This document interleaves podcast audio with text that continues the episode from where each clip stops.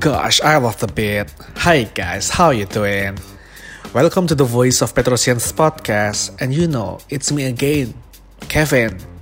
In case you're new here, this is a monthly podcast featuring creative speakers talking about anything, from A to Z, pieces to daily life. Our today's speaker is the former Minister of Energy and Mineral Resources, Sudirman Said. Be sure to listen all the way through for the details. Podcast number two. Let's get it on.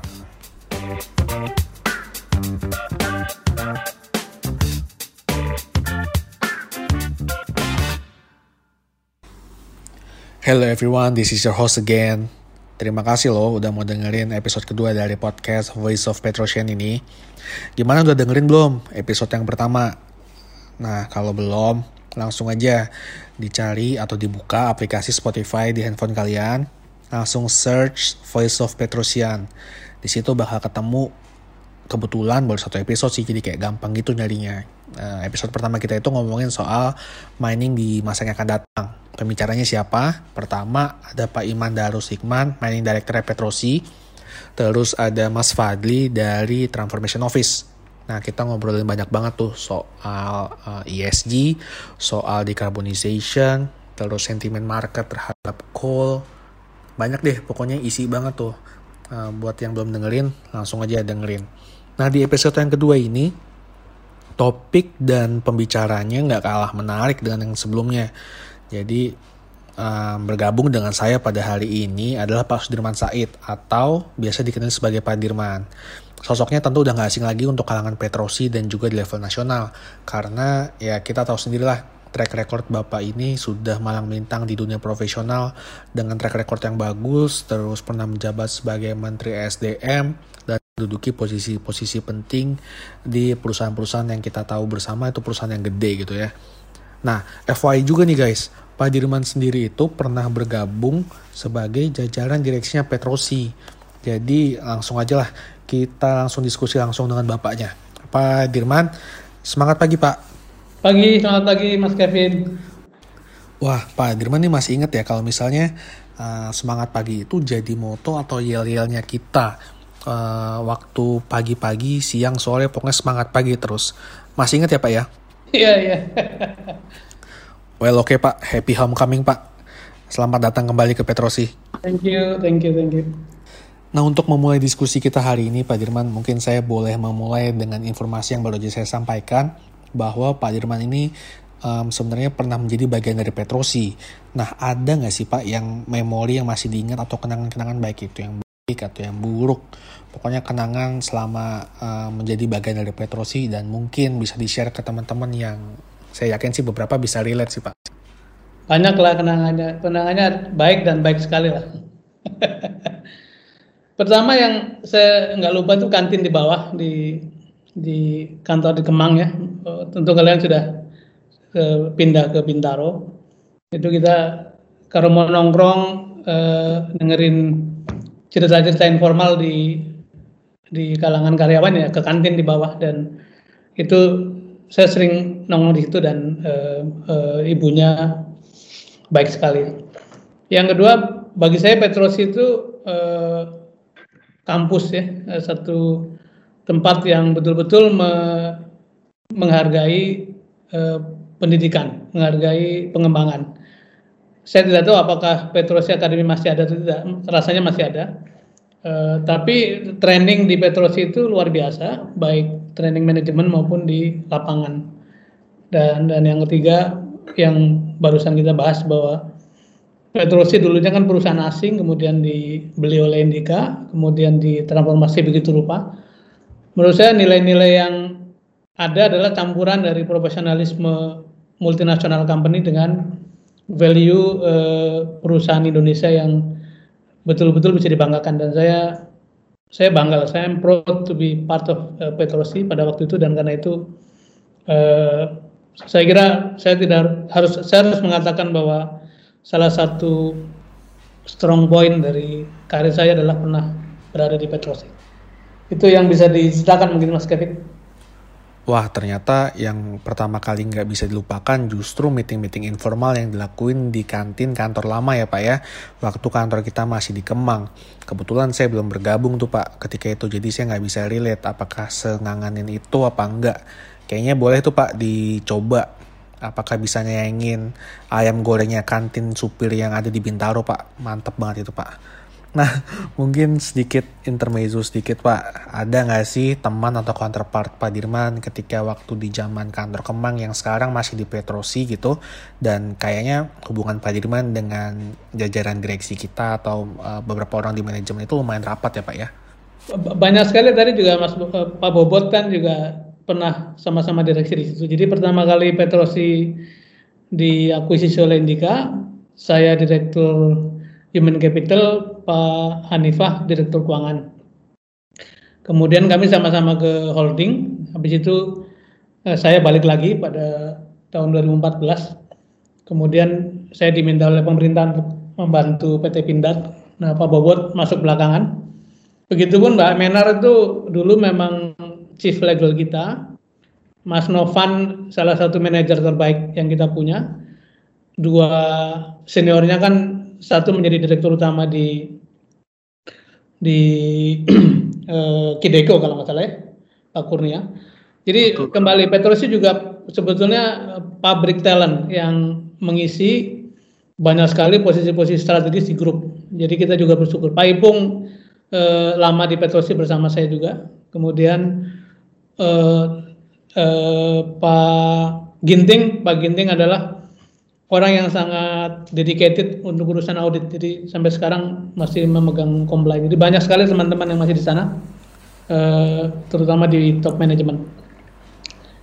Pak Dirman, personally saya itu sangat tertarik banget jika membahas mengenai topik-topik yang akan kita diskusikan pada hari ini. Misalnya soal leadership, terus mengenai talent, apalagi akan membahas mengenai bagaimana cara melihat value dari seseorang gitu Pak. Karena menurut saya akan banyak porsi subjektivitas di situ dan tiap orang memiliki standarnya masing-masing dalam menilai orang lain. Contohnya misalnya ketika ngomongin soal leadership, leader yang baik untuk saya dan memenuhi kriteria-kriteria leader yang baik untuk saya itu belum tentu sama dengan kriteria yang dimiliki orang lain setiap orang memiliki standarnya yang berbeda-beda. Baik buat saya, belum tentu baik juga buat orang lain. Dan untuk memulai diskusi ini, Pak, ada nggak sih sosok orang yang dijadikan role model oleh Pak Dirman? Iya, saya kebetulan bersyukur sekali anu ya uh, berpindah di banyak lingkungan uh, karena tugas bukan karena memang kepengen. Jadi uh, saya pernah bekerja di Pertamina, pernah bekerja di rekonstruksi Aceh eh, setelah tsunami, kemudian mengenal Pak Mari dengan baik, mengenal almarhum Cak Nur dengan baik juga. Tapi juga pernah di LSM sehingga kenal orang seperti Adi Sasono yang juga sudah wafat. Jadi role model saya tidak tunggal, tapi mengambil hal-hal yang baik dari banyak orang. Ketika bicara uh, soal perjuangan, mungkin orang-orang yang tumbuh dari bawah seperti Pak Mari menjadi role model saya. E, begitupun soal idealisme, soal bagaimana menjaga kebersihan itu Pak Mari. Tapi bicara mengenai wawasan kenegaraan, e, Cak Nur menjadi role model. E, birokrat yang sangat mengesankan bagi saya adalah Pak Kuntoro Mangkusubroto, orang kampus, orang akademi, tapi begitu masuk ke birokrasi, prestasinya cukup membanggakan.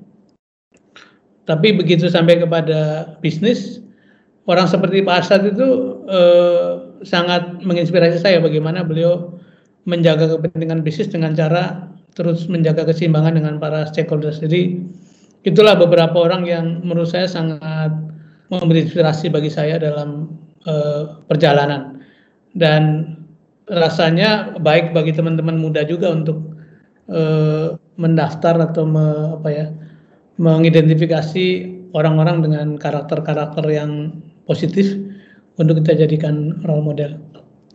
Gitu mungkin Mas Kevin. Iya saya, Pak. Um, saya boleh nanya balik ya. Ini kan boleh Pak. Kevin dan teman-teman ini termasuk mungkin generasi milenial dan mungkin berbeda cara pandangnya mengenai kepemimpinan. Saya sudah termasuk agak old fashion gitu ya. Nah, di mata teman-teman milenial tuh pandangan mereka tentang ya, kepemimpinan itu seperti apa ya? Um, Oke, okay. mungkin saya bisa menjawab juga dalam kapasitas saya sebagai milenial karena kebetulan saya juga masih milenial, Pak. Dan berdasarkan obrolan warung kopi gitu ya, obrolan di kantin supir sambil makan Indomie memang ada sedikit perubahan mindset di kalangan teman-teman dalam melihat leaders dan prinsip-prinsip yang mereka pegang. Dan biasanya hal tersebut turut diterjemahkan menjadi sebuah kebijakan perusahaan atau paling tidak uh, berdampak langsung ke the way we work in daily basis. Mungkin pak kalau yang nggak ada kebijak uh, hubungan langsung dengan kebijakan perusahaan tapi paling tidak di pekerjaan sehari-hari itu pasti ada. Misalkan terkait work life balance atau uh, environmental friendly mengurangi penggunaan plastik misalnya juga ada research yang saya baca baru-baru ini sih dari Glens bahwa 50% kandidat dari kalangan milenial itu menolak untuk bekerja di perusahaan yang reputasinya negatif pak. Jadi mereka semacam ada ketidakinginan untuk diasosiasikan dengan perusahaan dengan reputasi negatif di bidang apa pun. Artinya mereka semacam ada kebanggaan bekerja dengan perusahaan-perusahaan yang memegang prinsip atau nilai-nilai yang mereka percayai. Nah, ada komentar mungkin Pak terkait yang ini, tanggapan dari Pak Dirman yang uh, lama berkecimpung di dunia human capital gitu Pak. Iya. Uh, orang memahami milenial dengan kadang-kadang dengan salah sangka ya, seolah-olah maunya yang enteng-enteng, maunya yang fun-fun saja. Tapi sebetulnya mereka ini generasi yang berpikirnya cukup dalam. Karena apa? Tidak seperti kami dulu yang membaca dan yang tidak membaca kelihatan pegang buku gitu ya. Kalau sekarang kan antara membaca tidak membaca nggak kelihatan karena dia membaca dari gadgetnya gitu. Jadi lewat itu wawasannya luas, kemudian muncul dorongan untuk lebih berarti katanya kata uh, para ahli itu. Jadi tadi saya tidak terkejut bahwa anak-anak milenial itu menghargai betul soal reputasi, soal keberartian, soal kontribusi pada lingkungan, tidak mengotori lingkungan, sampai pada dia tidak mau diasosiasikan dengan organisasi yang punya reputasi jelek. Nah itulah yang membuat saya mengatakan tadi dalam forum dengan Petrosi, saya optimis dengan masa depan Indonesia karena Indonesia akan diisi orang-orang muda yang juga tidak ingin negaranya punya reputasi buruk karena itu pasti mereka itu tidak suka dengan kekotoran-kekotoran dengan praktek-praktek buruk yang ada di mana pun termasuk di tempatnya bekerja. Nah, tinggal mungkin e, bagaimana kesadaran itu bisa diorganisir menjadi satu gerakan yang punya dampak pada pada perubahan sosial ke depan itu. Salah satu yang tadi yang juga perlu dilihat adalah mereka ingin work life balance. Saya kira uh, memungkinkan sekali karena tidak seperti generasi kami yang harus kerja 20 jam sehari katakanlah untuk bisa hidup. Tapi generasi sekarang tuh barangkali kerja 8-10 jam cukup lah. Karena orang tua sudah cukup berada barangkali kemudian kebutuhannya tidak neko-neko seperti zaman generasi pendahulunya. Anak-anak sekarang banyak ada yang mengatakan nggak perlu beli mobil lah, yang penting kendaraan umum kan sudah tersedia cukup baik. Jadi hal-hal ini akan menjadi warna baru dalam mengelola uh, human capital di perusahaan termasuk di Petrosi. Jadi saya kira para leader harus lebih waspada mengenai value dari anak-anak muda sekarang itu. Saya ada cerita sih Pak cerita terkait ketika saya memulai perjalanan karir saya dengan Petrosi. Beberapa minggu setelah hari pertama saya bekerja, Pak, uh, diadakan mini town hall di departemen saya yang ketika itu saya masih tergabung di supply chain. Di momen tersebut, dengan tegas salah satu direksi yang juga pimpinan kami di SCM, um, tadi sempat disebut juga namanya Pak Johannes Ispurnawan, atau dikenali dengan Pak Ipung, kami akrab memanggilnya dengan nama Pak Ipung. Beliau mengatakan bahwa aset dari Petrosi itu bukanlah um, alat berat, bukan proyeknya, atau bukan cost savings karena saya dari supply chain, tapi aset Petrosi yang paling berharga itu adalah orangnya, karyawannya. Nah, sejak saat itu saya sebagai karyawan baru masih muda, uh, kantor pertama saya langsung jatuh hati ketika mendengarkan perkataan itu langsung dari direksi dan langsung di hadapan saya. Nah, saya juga mengetahui bahwa Pak Dirman adalah salah satu yang menjadi inisiator dari dibentuknya Petrosi Academy. Mungkin Pak bisa di-sharing nggak ketika waktu pembentukan Petrosi Academy itu, apa goalsnya dan apa pemikiran di baliknya itu Pak? Ya, persis. Saya, saya setuju dengan pandangan Pak Ipung bahwa pada akhirnya aset organisasi paling penting adalah manusia ya, human capital karena katanya kalau modal kan bisa dicari eh, lewat apakah kredit perbankan, apakah investor dan sebagainya. Kalau aset bisa dibeli ya. Tapi begitu kita tidak punya orang, kita nggak punya apa-apa sebetulnya karena itu ide, pikiran, uh, values, uh, keterampilan itu melekat pada manusia. Karena itu ketika saya mendapat satu tugas di Petrosi pada tahun 100, 2009 eh, kalau nggak salah 2010 saya usulkan kepada board eh, di Indika bagaimana kalau kita bentuk satu uh, training center namanya Petrosi Academy kalau kita konsisten dengan pandangan tadi bahwa people adalah aset maka people harus kita bangun sebaik-baiknya baik dari segi technical skillnya dari segi manajerialnya dari segi konseptualnya. Dan lewat Petrosi Academy itu akan bisa distrukturkan uh, supaya tidak uh, istilahnya tidak uh, sporadis ya. Uh, karena banyak perusahaan yang spending uang besar untuk training tapi sporadis tidak punya satu konsep. Tapi dengan Petrosi Academy mudah-mudahan pengurusannya lebih sistematis. Itu yang menjadi latar belakang dan saya bersyukur tadi Anda mengatakan masih ada terus masih bisa dikembangkan untuk ke ke depannya gitu. Kira-kira perbedaan generasi itu akan menjadi penghalang atau enggak ya Pak ya? Karena nggak bisa dipungkiri juga untuk posisi-posisi yang managerial up, pastinya majoritinya ditempati oleh bapak-bapak atau ibu-ibu yang usianya mungkin 30 tahun ke atas. Sementara di working levelnya, pasti banyak milenial atau anak-anak muda yang sedang merintis karir dan memulai dari bawah dengan ide-ide segarnya itu. Apakah perbedaan cara pandang bekerja atau melihat dunia ini akan menjadi suatu penghalang.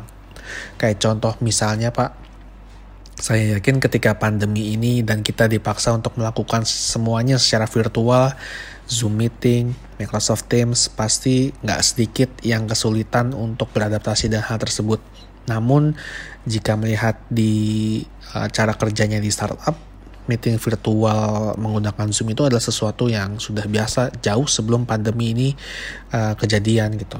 Bapak melihatnya seperti apa, Pak? Uh, ukurannya kan gampang. Uh, turnovernya bagaimana ya? Orang keluar masuk bagaimana dalam organisasi itu? Terutama yang dekat-dekat sama bos-bos yang senior itu kan memang by nature generasinya generasi lama gitu. Jadi harusnya training itu juga tidak saja menyampaikan pikiran-pikiran manajerial kepada yang muda, tapi juga memberi update kepada yang tua bagaimana preferensi dari anak-anak muda sekarang supaya nanti match gitu. Jadi eh, itu saya membayangkan akan terjadi satu mismatch kalau tidak hati-hati, kalau tidak dikelola dengan baik. Tapi menurut saya sih culture di Indika Group itu masih relatif muda lah dan mungkin mereka terbuka untuk memahami uh, masuknya generasi milenial. Bahkan generasi adiknya nanti yang juga barangkali berbeda sama sekali itu harus diantisipasi. Menyambung komentar Pak Dirman barusan, uh, mungkin saya bisa coba masuk langsung ke bahasan kita yang berikutnya yaitu mengenai skill set gap antara talent yang dimiliki Indonesia atau yang tersedia di uh, Indonesia dengan yang dibutuhkan oleh perusahaan atau yang dibutuhkan oleh market dengan konteks yang lebih luas, bagaimana kita bisa berkompetisi di komunitas ekonomi dunia atau paling tidak di level regional, Pak. Kita tahu di ASEAN itu ada ASEAN Economic Community, di mana kita akan langsung berhadapan dan berkompetisi dengan talent dari Singapura, dari Malaysia, dari Thailand. Uh, ada nggak sih gap yang harusnya kita miliki namun ternyata kita belum punya? Ya, uh, uh, saya sangat concern dengan gejala-gejala soal e-commerce gitu ya, yang menyederhanakannya menjadi channel untuk distribusi barang-barang. Karena itu hanya memaksa anak-anak muda kita masuk ke dalam uh, industri perantara.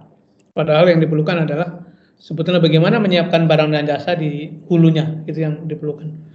Dan tentu saja kita tidak bisa mengingkari atau tidak bisa uh, menghindar dari kebutuhan untuk menggunakan teknologi. Jadi uh, sepakat sekali bahwa bila negara kita tidak serius menata skill set anak-anak muda kita, anak-anak muda kita akan ketinggalan.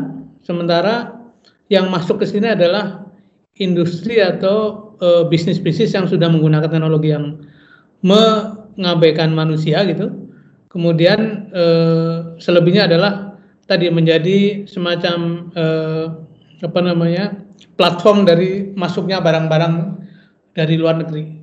Sementara sebetulnya market kita begitu besar. Jadi kalau kalau serius dengan menata ini maka harusnya kita mengejar ketertinggalan itu. Bagaimana menggunakan teknologi terutama untuk memproduksi, kemudian e, menjaganya menjadi apa core kompeten dari anak-anak muda kita. Kalau Petrosi barangkali sudah mateng ya industrinya dan itu pun sebenarnya ada ancaman. Misalnya begini, eh, bahwa energi kita akan makin mengarah pada clean energy. Sementara sebagian besar revenue datang dari eh, batu bara atau mining service batu bara gitu. Nah, bagaimana caranya shifting itu kepada future energy atau future industry? Nah, hal-hal seperti ini hanya bisa dibahas kalau ada fungsi training development uh, human capital yang terus-menerus hidup dan mencerna atau me, mewawas atau me, mengikuti perkembangan di luar. Kalau kalau kemudian sangat konvensional tradisional pasti akan akan uh, tertinggal. Jadi saya berharap Petrosi juga dan Indika Group keseluruhan juga akan melihat sebagai satu tantangan ke depan bagaimana me, mengejar ketertinggalan dari skill set uh, anak-anak muda Indonesia. Saya rasa penguasaan teknologi ya, uh, coding, tapi kemudian diarahkannya pada kemampuan produksi, bukan bukan uh, menggunakan teknologi sebagai market semata-mata. Jadi misalnya saja begini, ini di luar urusan Petrosi dan Indika. Saya kira teknologi memproduksi pangan kita perlu dimasuki dengan teknologi modern misalnya karena pangan itu sesuatu yang tidak akan mungkin orang berhenti mengkonsumsi kan. Tapi sekarang ini di pertanian di, di, di pertanian petaninya makin turun, lahannya makin sempit, kemudian jumlah produksinya, jumlah konsumsinya tetap tambah. Nah itu kemudian akhirnya diisi dengan impor. Nah kita harus berpikir keras tuh bagaimana mengatasi hal itu. Uh, yang kedua shifting energi nih, apa transisi energi akan mengarah pada lebih bersih, lebih hijau, uh, uh, ke arah renewable itu juga satu big business yang harus diantisipasi. Bagaimana uh, kemampuan atau kapasitas teknis dari anak-anak kita untuk bisa masuk ke dalam industri clean energy. Itu beberapa yeah. contoh saja, Mas. Alright, so Pak mungkin one final question dari saya dan mungkin pertanyaan ini agak sedikit menggelitik juga tapi saya sangat nantikan jawaban dari Pak Dirman. Jadi kalau kita boleh berandai-andai, sekarang Pak Dirman diminta untuk merekrut seorang PA atau personal assistant Pak. Kira-kira apa ya Pak yang menjadi top requirementnya? Orangnya maunya seperti apa? Apakah Pak Dirman menjadikan kepintaran secara akademik menjadi prioritas pertama sehingga nanti diskusinya dengan Pak Dirman itu dia bisa mengimbangi atau mungkin yang yes man sehingga um, sedikit diskusi kalau misalnya saya menyampaikan sesuatu dia kan oke okay, pak siap pak siap laksanakan pak. Atau mungkin orang yang standby dan ready 24 hours buat Pak Dirman setiap diminta dia akan siap anytime atau ada kriteria lain Pak? Saya alhamdulillah punya hubungan baik dengan seluruh orang-orang terdekat ya. Dari mulai minta maaf saya mulai dari sopir mulai dari orang yang sehari-hari bersama saya lah. Dan I am I am uh, apa namanya orang yang bisa menjaga hubungan baik. Tapi dalam urusan PA saya kebalik. Kalau bisa PA saya itu orang yang tidak berhenti di tempat saya gitu. Tapi menjadikan saya sebagai sebagai channel untuk career development. Karena itu saya senang kalau uh, PA saya itu yang bantuin itu orang yang tentu cerdas lah, kemudian tidak yes man, uh, kritis gitu, uh, dan memang punya kemauan untuk maju karena berada di sebelahnya top leader, katakanlah di sebelahnya Pak Bobot, di sebelahnya Ibu Menar itu Pak Novan itu kesempatan baik. Dan kalau bisa jangan jangan lama-lama tuh. Dua tahun tiga tahun kemudian pergi. Dan leadernya juga tidak boleh egois. Jangan mentang-mentang orang itu bagus kemudian dipegangin terus. E, dengan alasan nyari penggantinya susah. Kita harus menjadi jalur bagi karir development orang-orang terbaik supaya teman-teman muda itu juga punya karir progressing. Jadi saya tidak tidak butuh orang yang apa yes man loyal nggak manutan begitu tapi harus orang yang kritis orang yang punya uh, confident untuk mengatakan ini tidak pak ini tidak baik pak. Uh, bahkan tadi uh, kalau perlu ya karena anak-anak muda sekarang kan punya kebutuhan berbeda jadi jangan juga merasa bisa 24 jam sehari bisa uh, membantunya. Pasti mereka juga punya kebutuhan-kebutuhan pribadi gitu itu anu saya apa namanya uh, my preference. Saya terus belajar juga jadi meskipun apa sudah mengalami berbagai job tapi saya belajar memahami generasi-generasi yang berikutnya juga. Gitu Mas Kevin. Sebelum menutup podcast ini, mungkin izinkan saya mencoba merangkum hasil perbincangan dan diskusi yang kita lakukan uh, sekitar 20 menit terakhir Um, tadi kita sempat berdiskusi terkait leadership di mana sempat disampaikan oleh Pak Dirman sosok-sosok orang yang dijadikan role model dan nilai-nilai apa saja yang dijadikan pegangan dalam Pak Dirman meniti karirnya sehingga sampai memimpin sebuah kementerian SDM juga perusahaan-perusahaan besar yang kita sama-sama tahu. Lalu tadi kita juga sempat berdiskusi terkait histori keterlibatan Pak Sudirman Said dalam pembentukan uh, Petrosi Academy yang kemudian menjadi backbone Petrosi sebagai suatu organisasi yang menilai dan melihat orang sebagai aset dari perusahaan tersebut dan didukung oleh kebijakan manajemen dan juga etika energi di level holding. Lalu yang terakhir adalah kita berdiskusi terkait skill set gap yang dimiliki oleh Indonesia dan harapannya di masa yang akan datang dalam menghadapi komunitas ekonomi ASEAN di mana um, tadi sempat disampaikan oleh Pak Dirman bahwa pemerintah harus uh, memperhatikan dan segera menutup gap antara talent yang tersedia dengan talent yang dibutuhkan. Juga uh, menghadapi perkembangan zaman uh, ketersediaan lapangan kerja di e-commerce. Tadi Pak Dirman sempat menyampaikan juga bahwa sepatutnya kita juga turut mengambil fokus di hulu dan tidak hanya di bagian perantara atau di tengah-tengah dari bisnis chain dari e-commerce itu sendiri. Terima kasih Pak untuk waktu yang diberikan. Saya tahulah pasti jadwalnya Pak Sirman Said sangat sibuk dan mau memberikan waktunya untuk berdiskusi secara langsung dan memberikan wisdomnya melalui media Voice of Petrosian adalah sebuah kebanggaan bagi kami dan juga komite di Voice of Petrosian yang bisa uh, berdiskusi langsung dengan Pak Sudirman Said. Tentunya dengan harapan diskusi kita pada hari ini memberikan informasi yang berguna dan informatif juga kepada para pendengar kami. Dan saya berharap Pak Dirman dalam keadaan yang sehat selalu bersama keluarga di tengah pandemi COVID-19. Stay safe and stay healthy, Pak. Amin, terima kasih sama-sama ya. Jaga kesehatan semuanya. Sukses untuk Petrosi dan semua rekan-rekan. Assalamualaikum warahmatullahi wabarakatuh.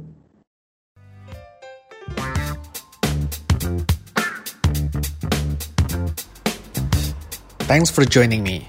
That's it for this month's episode of Voice of Petrosians. This podcast is brought to you by Petrosis Human Capital together with the Transformation Office plus Risk and Internal Assurance team. Follow us on Spotify so that you don't miss our next episode. I'm Kevin signing out, wishing you happy podcasting. Bye bye.